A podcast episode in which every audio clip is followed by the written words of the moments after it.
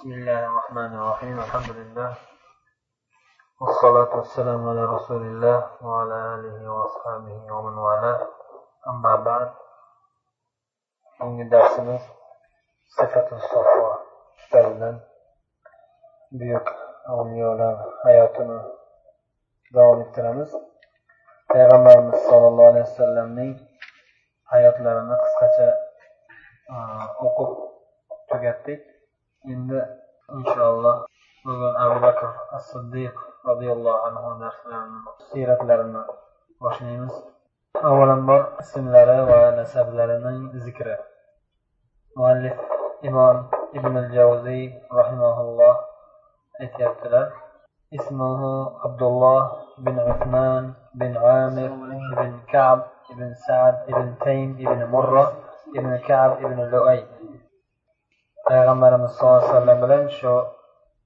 luay degan ajdodlarida birlashadi nasablari.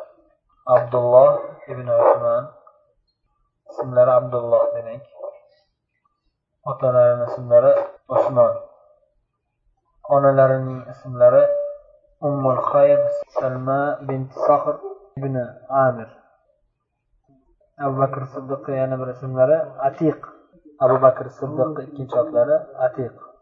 Nima uchun atiq deb nomlanganlar? Bir necha rivoyat bor ekan. Biri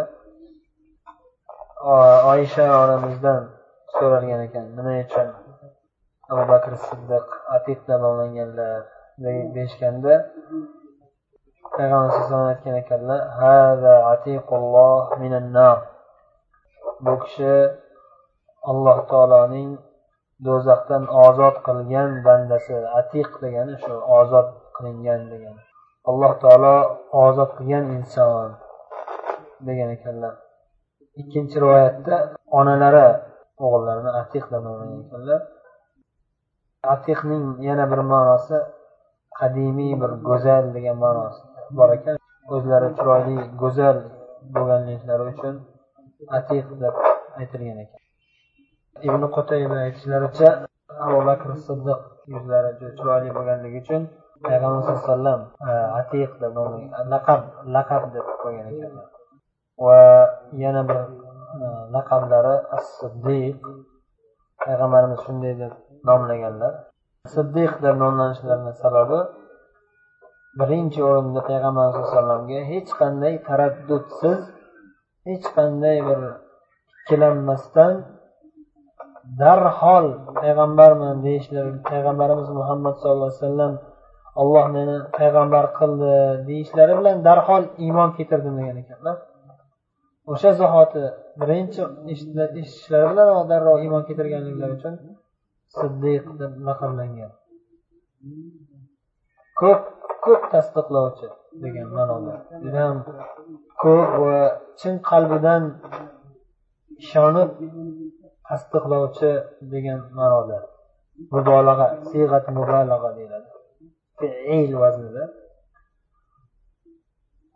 Imom tobaroniy rivoyat qilgan asarda ali ibn abi tolib qasam ichib aytarkanlarki abu bakrni alloh taolo as siddiq degan ismini osmondan nozil qilgan deb qasam ichar ya'ni payg'ambar sallallohu alayhi vasallam o'zlaridan o'zlari aytmaganlar bu abu bakr siddiq deb olloh vahiy qilgan olloh nomlab bergan siddiqdi deb ali roziyallohu anhu qasam icharkanlar shundan bilamizki la'natlangan toifalardan rofiza shiyalar yaramaslar ali bilan abu bakr o'rtasini ajratishmoqchi bo'lishadi.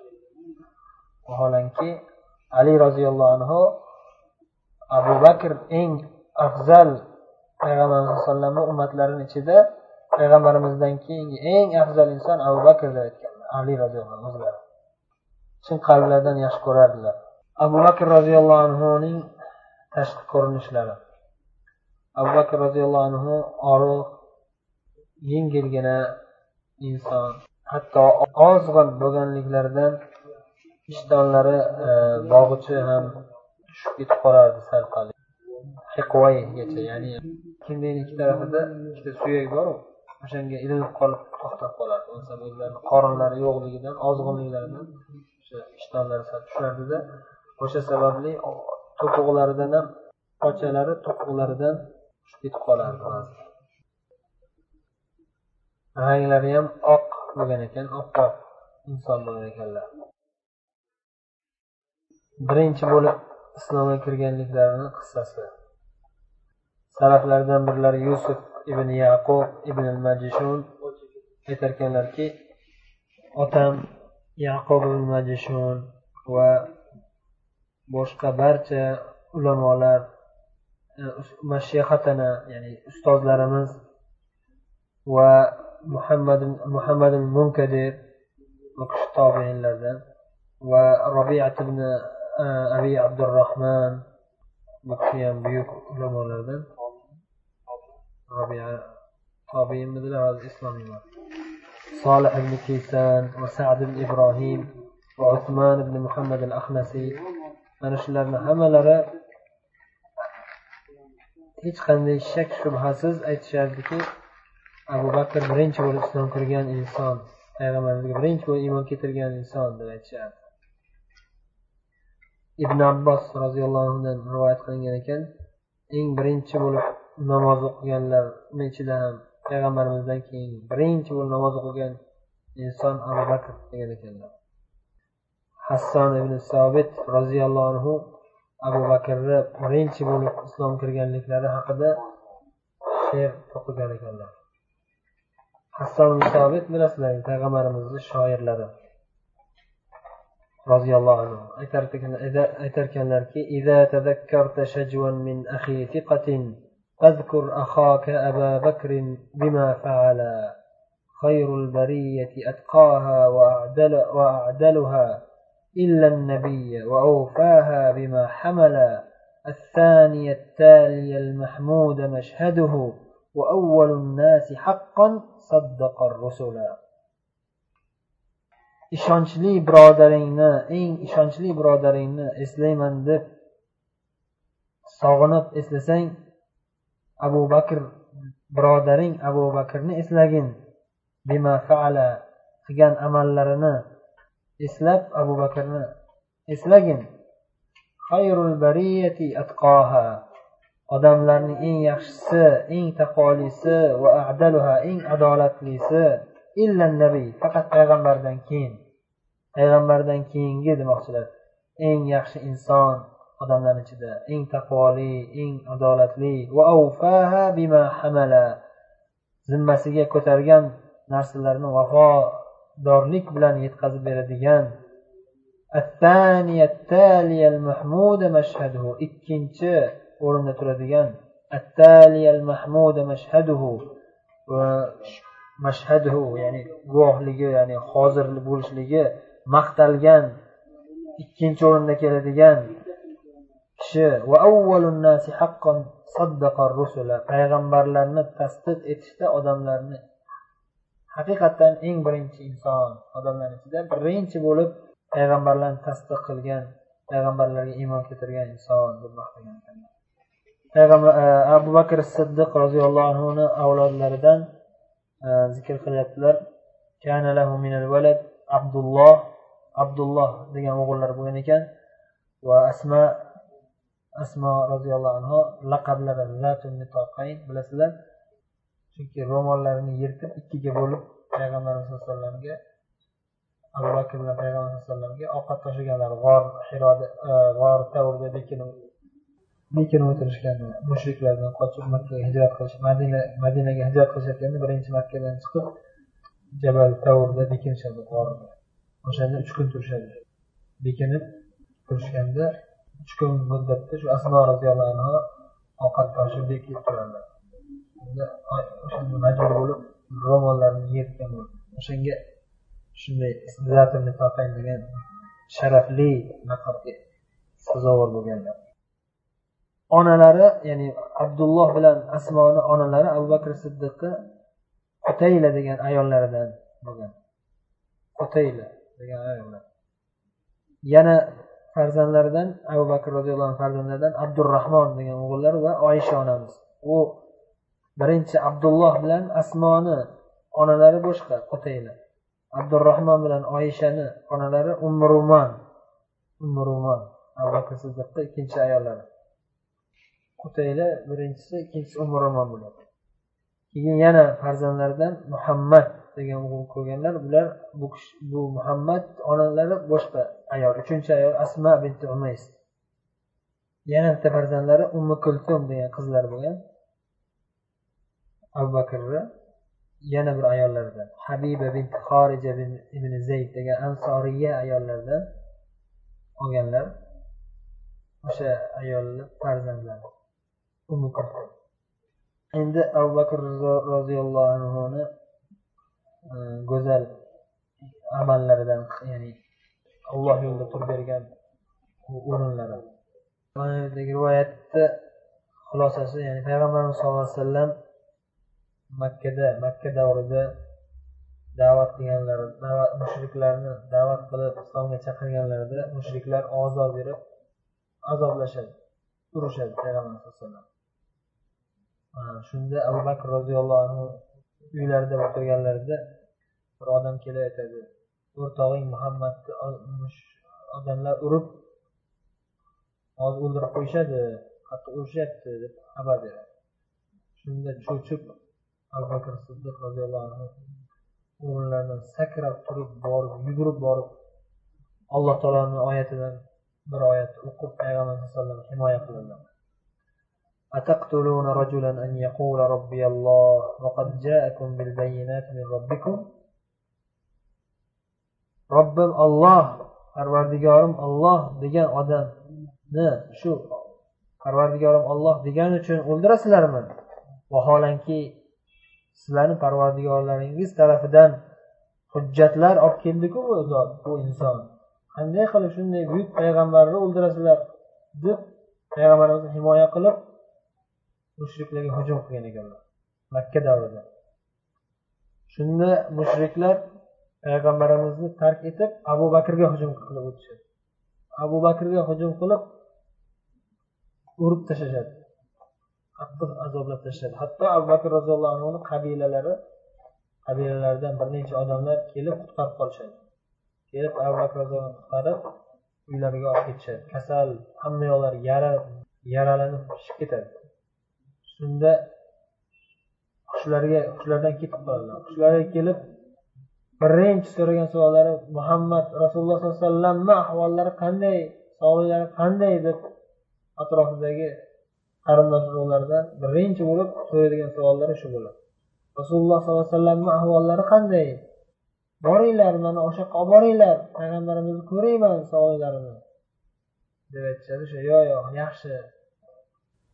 Sohibingni do'stingni do'stingni ahvoli yaxshi sog'lig'i yaxshi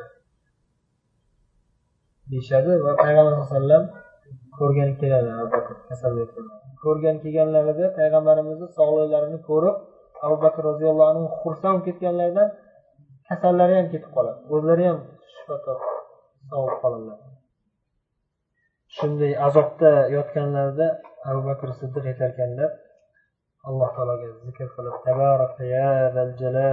ikrom deb alloh taoloni maqtab ey ulug'lik buyuklik sohibi bo'lgan parvardigor o'zing naqadar ham buyuk zotsan deb allohga hamd sanolar aytib yotarkanlar qiynalgan holatlarda. Yana buyuk mavqiflaridan abu bakr siddiq roziyallohu anhu payg'ambarimiz sallallohu alayhi vasallamga sallallohu alayhi vasallamga mollarini jonlarini fido qilgan holatlaridan g'or kechasi laylatul g'or g'or kechasi deyiladi. Payg'ambar alayhisalom o'sha uch kun g'orda bekinib yotishgan holatlarini islom tarixida laylatul g'or deyiladi. G'or kechasi desa bo'ldi. Kim? Esga tushadi darrov. Payg'ambarimiz abu bakr boshqa hech kim yo'q. G'or kechasida abu bakr roziyallohu abu bakr roziyallohu anhu aytadilarki g'orga kirmasdan turib kelishyapti. Mushriklardan bekinib chiqishgan endi kelib g'orda yashirinib turishmoqchi shunda kirishdan oldin aytadilarki ey rasululloh to'xtab turing. Siz to'xtab turing man sizdan oldin kirib g'orni tekshirib ko'ray. Ilon bo'lsa yoki boshqa biron bir zararli narsalar bo'lsa tekshirib ko'rayman deb kiradilarda ichkariga kirib qorong'ida qorong'ida qo'llari bilan teshiklarni paypaslab tekshirib chiqadilar teshik ko'rgan joylarini bekitish uchun e, mayda juda narsalarni tiqib turishib tiqib turib keyin ko'ynaklarini yirtib ustidan bekitib qo'yarkanlar teshik ko'ynaklarini yirtib bekitarkanlar kechqurun qorong'ida hech kim ko'rmaydigan. Keyin yana tekshirishda davom etadilar. Yana boshqa teshik teshik ko'rilsa haligi teshikni yana to'sib qo'yar ekanlar ko'ylaklaridan yana bir qismini yirtib yana teshikni to'sib teshiklarni hammasini shunday qilib to'sib chiqqanlar.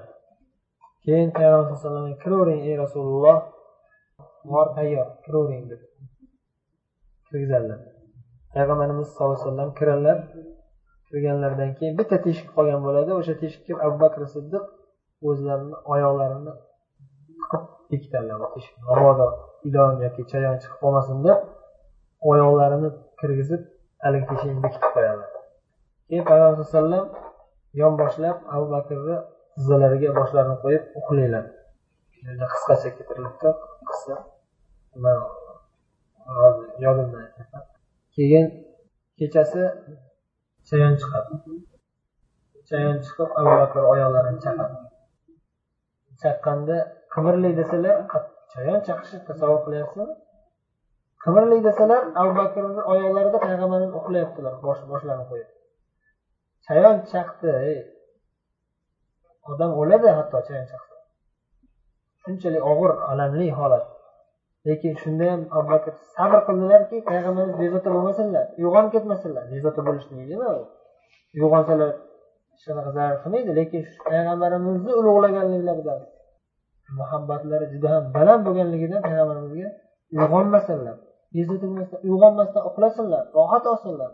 Rasululloh sollallohu alayhi vasallam deb chayon chaqsa ham oyoqlarini qimirlamasdan o'tiradi qattiq alam bo'lib ketgandan ko'zlaridan yosh oqib ketadi. Alam juda qattiqligidan ko'zlaridan yosh oqib ketadi. Haligi yosh oqib ketib bexosdan payg'ambarimizni yuzlariga tushadi. Keyin payg'ambar uyg'onib ketadilar turib qarasalar abu bakrni ustilarida ko'ynagi ham yo'q ustiga yig'layaptilar ular ko'zlaridan yosh chiqib nima uchun yig'layapsiz?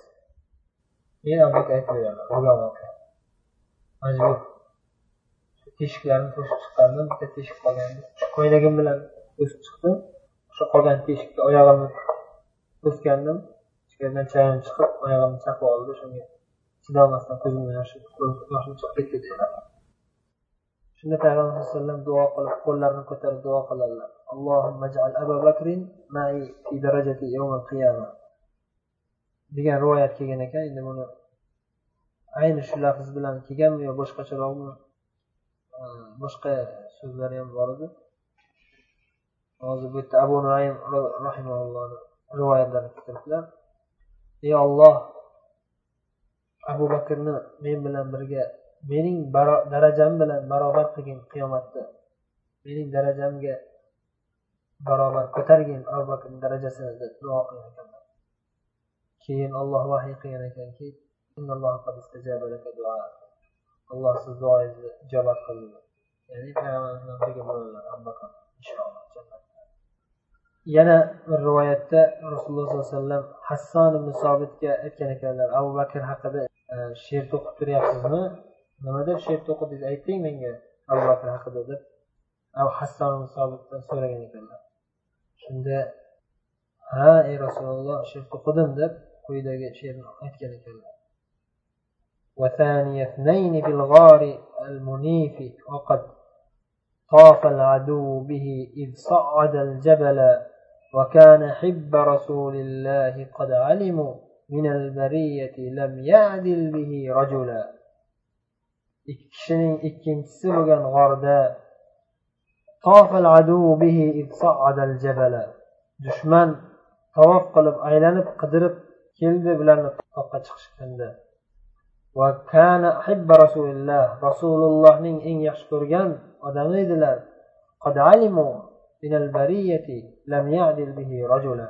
Odamlar ham hammalari bilishardi. Payg'ambarimiz sallallohu alayhi vasallam odamlarni ichidan abu bakrga hech kim almashtirmasligini bilishardi. Abu bakrga boshqa hech qaysi bir insonni almashtirmasligini bilishardi. Payg'ambar eng yaxshi ko'rgan odam edilar aytgan ekanlar hasson keyin shunda payg'ambar alayhi vasallam xursand bo'lib tabassum qilganlaridan hatto kulganlaridan qoziq tishlari ham ko'ringan ekan. Sadaqta ya hassan to'g'ri aytding ey hasson sen aytgandek abu bakr degan ekan. وعن عمر بن الخطاب رضي الله عنه قال أمرنا رسول الله صلى الله عليه وسلم أن نتصدق ووافق ذلك مالا عندي. فقلت اليوم أسبق أبا بكر إن سبقته يوما. قال فجئت بنصف مالي. قال فقال لي رسول الله صلى الله عليه وسلم ما ابقيت لأهلك؟ قلت مثله. وأتى أبو بكر بكل ما عنده فقال له رسول الله صلى الله عليه وسلم ما أبقيت لأهلك فقال أبقيت لهم الله ورسوله فقلت لا أسابقك إلى شيء أبدا umar hattob roziyallohu anhu aytadilar rasululloh sollallohu alayhi vasallam sadaqa beringlar deb sadaqa berishga chaqirdilar shu kuni aytgan da'vatlari meni qo'limda mol yaxshigina mol yaxshigina e, boylik to'planib turgan paytga to'g'ri keldi. Shunda o'z ichim ichimda aytdimki bugun bugun agar abu bakrdan biron bir kuni oldinga o'tib ketadigan bo'lsam bugun o'tib ketaman endi dedilar. Ya'ni abu bakr doim birinchi peshqadam lekin man bugun inshaalloh abu bakrdan bir kun bo'lsa ham o'tib ketaman. Bugun inshaalloh birinchi o'rinlikni olaman dedilar. Keyin shu bor mol mulkimni yarmini ko'tarib olib keldim. Qancha boylik bo'lsa qo'limda shuni yarmini olib keldim. Olloh uchun deb. Va payg'ambarimiz oldilariga qo'ydim. Payg'ambarimiz so'radilar ahli ayolingga nima qoldirding dedilar. Shuni yarmini shunga o'xshashini qoldirib keldim dedilar. Keyin ozginadan keyin abu bakr keldilar. Boshqa bir rivoyatda keladi bu yerda zikr qilmabdilar ikkita qo'llarida ozgina narsa olib keldilar ikkita qo'llariga siqqancha ya'ni bundoq qo'l ochib bundoq qilsangiz hovuch bir hovuch deb qo'yadi bir hovuch narsa olib keldilar endi ozgina uylarda topilgan mol mulkda e, shu tillalardanmi ko'mishlardanmi ozgina olib keldilar ko'rinishidan ozgina endi.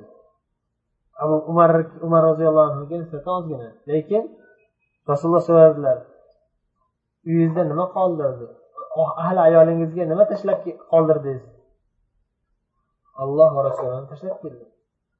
Undan boshqa hech narsa yo'q uyda. Bor mol mulklarni olib keldilar. Ya'ni umar roziyallohu anhu hech bo'lmasa ellik foiz mol mulklarni tashlab keldilar. Abu bakr esa bir foiz ham qoldirmadilar. Hammasini olib keldilar. Alloh rasulini huzuriga rasulullohni huzurlariga va uydagilarga nima qoladi? Alloh rasuli borku. Olloh rasulini tashlab keldim alloh rasulini topshir alloh tavakkal qilib keldim allohga deyapti shunda umar roziyallohu anhu aytadilarki ey siz bilan ikkinchi musobaqa o'ynagani shu bo'lsin. Siz bilan umuman musobaqa o'ynamas ekanman. Taslim bo'ldilar. Yana shu umar roziyallohu anhuni qissalarida abu bakr bilan bu yerda zikr qilmabdilar abu bakr siddiq roziyallohu anhuni xalifalik davrlaridagi bo'lgan qissalardan umar aytyaptilar shu madinadagi bir birimizdan bekitib madinadagi kambag'allarni qidirib xayr ehson qilib yurardik bir birimizga hech kim aytmasdan keyin bir kun bitta qari kampirni uyiga bordim. Borib xayr ehson berib qarasam hech qanaqa qarindoshi ham yo'q hech qanday bir dunyoviy mol mulki ham yo'q. Qanaqa yashayapsiz siz qayerdan rizqiz kelyapti deb so'rasam olloh beradi ko'zi ojiz ayol ekan ko'zi ojiz ayol ekan olloh beradi shu bir odam kelib ketadi shu bilmayman tanimayman kimsiz desam otini ham aytmaydi kimligini aytmaydi bir musulmonman deb shu nima hojatim bo'lsa o'sha odam olib kelib beradi deb javob E, umar roziyallohu anhu hayronlik kim ekan bu deb keyin kuzatdim deyapti kuzatib tekshirib ko'rsam bir odam kirib chiqib ketadi. Keyin orqasidan orqasidan borib qarasam abu bakr siddiq xalifa bekinib hech kimga aytmasdan qara kampirni uyiga ko'zi ojiz kampir uyiga kelib bor hojatlarini berib ketarkanlar kimliklarini aytmasdan. Yana abu bakr roziyallohu anhu buyuk mavqif qilgan buyuk amallaridan aytyaptilar وعن قيس قال اشترى أبو بكر رضي الله عنه بلالا وهو مدفون في الحجارة بخمس أواق ذهبا فقالوا لو أبيت إلا أوقية لبعناك قال لو أبيتم إلا مئة أوقية لأخذته bilal bilol roziyallohu anhu bilol al habashiy roziyallohu anhu. Bilasizlar bu kishini qissalar butun yana qissalar keladi inshaalloh o'qiymiz. Eng buyuk sahobiylardan o'zlari tanalari qora bo'lishiga qaramasdan tiriklik holatlarida jannatga bashorat berilgan sahobiylardan bu kishini shu mushriklardan biri adashmasam ubay ibn halaf ubay ibn halaf o'zining quli qilib olgan bo'lgan. Shu qul bo'layotganlarida bil hijara. Mushriklar islomga kirganliklarini bilib azoblab sahroda jazirama issiqda qaynoq toshlarni ustilariga qo'yib qiynayotgan paytda abu bakr roziyallohu anhu kelib beshta o'qiya besh o'qiya tilla olib kelib ko'tarib kelganlar juda boy bo'lganlar. Alloh taolo payg'ambar e, abu bakr siddiqqa shunaqa bir boylik berganki payg'ambar alayhi vasallam payg'ambar bo'lishlaridan oldin eng katta mashhur tijoratchilardan bo'lganlar va o'sha boyliklarni hammasini olloh yo'lida sarflaganlar. Beshta idishda o'qiya degani e, qancha miqdor hozir esimdan chiqib ketdi katta miqdor. Besh qop desa ham bo'ladigan. Beshta idishda tilla ko'tarib keldilar. Shunda ular mushriklar ubay ibn halaf shular aytdiki bitta ya'ni qancha berasizlar qanchaga sotasizlar? deganda besh o'qiya ber deyishganda beshta o'qiya tilla ber deyishgan. Qimmat narx aytishgan sotib ololmasin deb sotib ololmasin. Deb qimmat narx aytishdi shunda beshta o'qiya topshirgan berganda keyin qarashsa qimmat narxga sotilyapti. Abu bakr puli bor. Keyin bilolni obro'si baland bo'lmasin. Kuchli obro'li e'tiborli ekan bu deb hurmatli qolmasin bilol qo'l bu pastga urish kerak buni yana ham. Deb turib keyin abu bakrni yana bir bir jihatdan ikkinchi jihatdan abu bakrni ichidan kuydirish. Kuydirish masalan tasavvur qilsangiz ellik ming dollarga bitta moshina olsangizda e buni narxi bir ming dollar u narxi. Jinnimsa ellik ming dollarga olsangiz odam ichi kuyadiku ah, qirq to'qqiz ming dollar zarar ko'rdim deydi. Kuyadi. Abu bakrni ichidan kuydirish uchun beshta qop tilla emas bitta o'qiya bitta idishdagi tilla yetardi. Shu bitta ya beshta ko'p bitta tilla bitta idishdagi bitta o'qiya tilla bo'lsa ham beraverardik. Beshta bitta o'qiya tilla beraman desang ham mayli deb beraverardik. O'zingni qiynab besh tilla berdi endi kuyding deyishuvdi shunda aytdilarki yuzta o'qiya yuz qop tilla so'rasanglar ham berardim. O'zi sizlar kuydinglar qadrini bilmaslar bilolni qadrini.